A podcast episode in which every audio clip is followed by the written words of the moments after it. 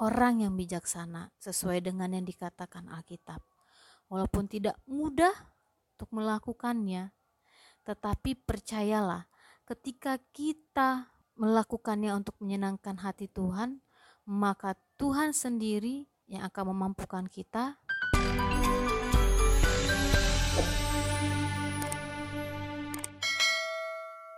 Shalom, selamat pagi Naposo menginspirasi. Apa kabarnya hari ini? Semoga kita semua dalam keadaan sehat. Mari teman-teman, sebelum kita membaca menemukan firman Tuhan, kita satu dalam doa. Bapak yang baik, kami bersyukur terima kasih untuk pertolongan pernyataan Tuhan sepanjang malam hingga saat pagi hari ini. Tuhan, kami ingin membaca menemukan firman-Mu, biarlah Tuhan yang menolong, memberikan kami hikmat sehingga kami mengerti, memahami, terlebih dapat melakukan dalam kehidupan kami sehari-hari. Ampuni dosa dan kesalahan kami. Di dalam Yesus Kristus, amin. Nah, teman-teman, hari ini kita akan mendengarkan renungan tentang menjadi seorang yang bijaksana. Dalam kitab Amsal 3 ayat yang ke-35 dikatakan, Orang yang bijak akan mewarisi kehormatan, tetapi orang yang bebal akan menerima cemooh. Dalam Kamus Besar Bahasa Indonesia, mengartikan bijaksana itu selalu menggunakan akal budinya, arif, tajam pikiran, serta pandai dan hati-hati apabila menghadapi kesulitan. Lalu, menjadi pertanyaannya bagi kita saat pagi hari ini, seperti apakah orang bijaksana itu menurut Alkitab? Orang yang berpengetahuan tinggi belum tentu disebut sebagai orang yang bijaksana, tetapi orang yang pintar dalam menghadapi segala sesuatu itulah yang dikatakan orang yang bijaksana. Orang yang bijaksana adalah orang yang mampu bersyukur dalam keadaan apa pun dan juga orang yang mampu mengenal isi hati Tuhan. Kita semua pasti memiliki kerinduan untuk menjadi orang yang bijaksana. Nah, benar sekali teman-teman. Menjadi pertanyaan kita sekali lagi, bagaimana kita menjadi orang yang bijaksana menurut Alkitab? Yang pertama, Kitab Amsal 1 ayat 7 mengatakan demikian. Takut akan Tuhan adalah permulaan pengetahuan, tetapi orang bodoh menghina hikmat dan didikan. Sumber dari hikmat itu sendiri adalah takut akan Tuhan. Kita harus menghormati dan mengasihi Tuhan kita, karena hanya daripadanya lah hikmat itu berasal. Ketika kita mengasihi dan menghormati Tuhan kita, maka Tuhan akan menuntun kita untuk menjauhi dosa dan membenci dosa, kejahatan, serta keburukan dalam hidup kita. Bijaksana yang tidak disertai takut akan Tuhan akan membawa kehancuran.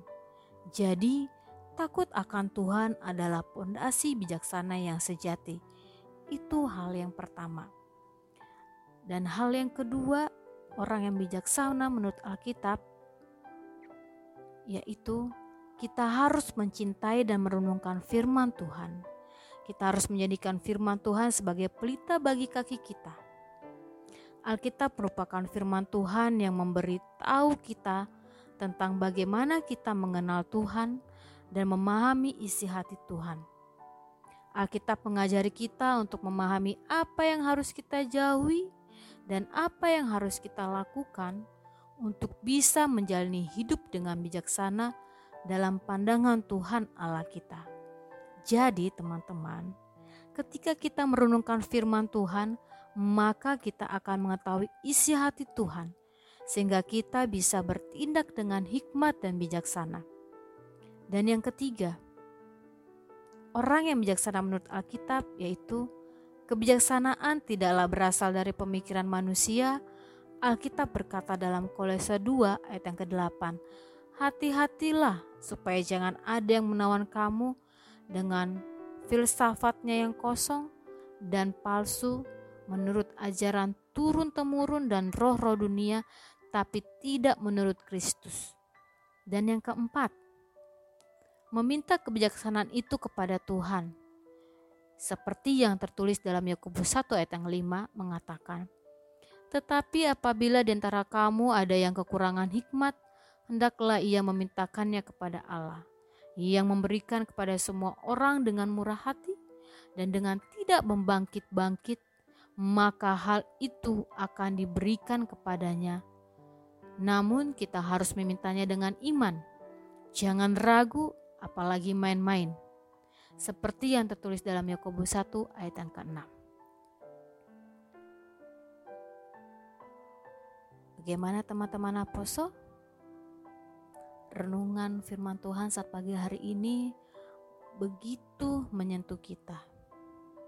Mari, sebagai Naposo kita menjadi orang yang bijaksana sesuai dengan yang dikatakan Alkitab walaupun tidak mudah untuk melakukannya, tetapi percayalah, ketika kita melakukannya untuk menyenangkan hati Tuhan, maka Tuhan sendiri yang akan memampukan kita, dan Tuhan kita pun tidak akan tinggal diam.